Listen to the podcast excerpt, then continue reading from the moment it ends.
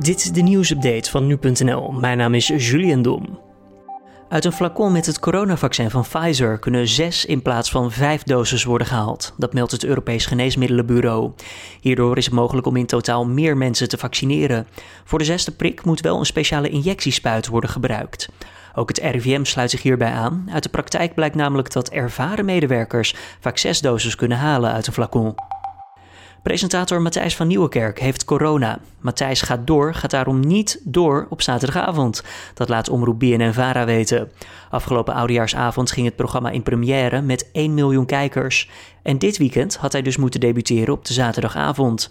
Nu Van Nieuwenkerk in zijn redactie thuis zitten, zet NPO 1 een extra aflevering van Nieuwe Boeren in.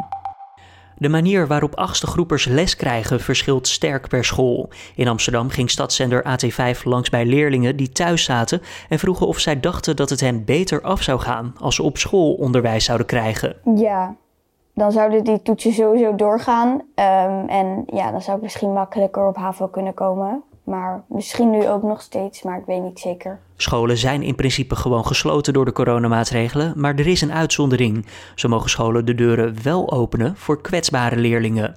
Sommige scholen zien achtste groepers als kwetsbare leerlingen en daarom krijgen zij dan wel op school les.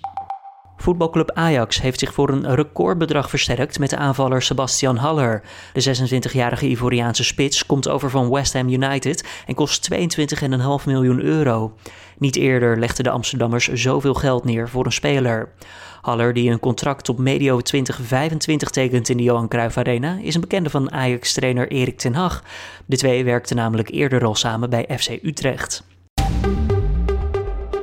En dit was dan weer de nieuwsupdate van nu.nl.